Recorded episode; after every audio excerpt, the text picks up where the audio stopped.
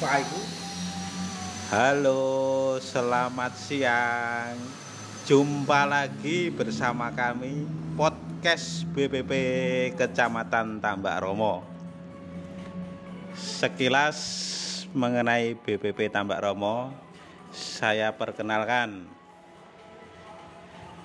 BPP Tambak Romo terdiri dari lima orang PPL dengan satu orang staf lapangan, satu orang POPT pengamat hama.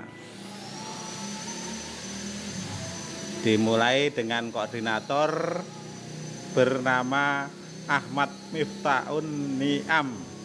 Nah, ini adalah koordinator kita yang masih muda, energik sekali ya baru bergabung di BPP Tambak Romo sekitar satu tahun. Yang kedua, saya sendiri, Danur Prasongko. Saya ini membawahi kegiatan IPDMIP di Desa Angkatan Lor.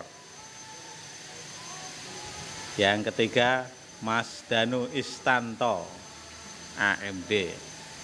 Mas Danu ini membawahi wilayah IPDMIP Desa Kedalingan. Yang ketiga, Mbak Esti Nopitasari. Mbak Esti Nopitasari membawahi wilayah IPDMIP Desa Karangmulyo. Kemudian yang terakhir adalah Mas Iwan Kurniawan. Iwan Kurniawan membawahi Desa IPDMIP Desa Tambak Romo. Oke, cukup sekian podcast kita.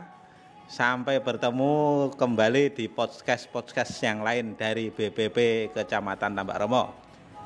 Show.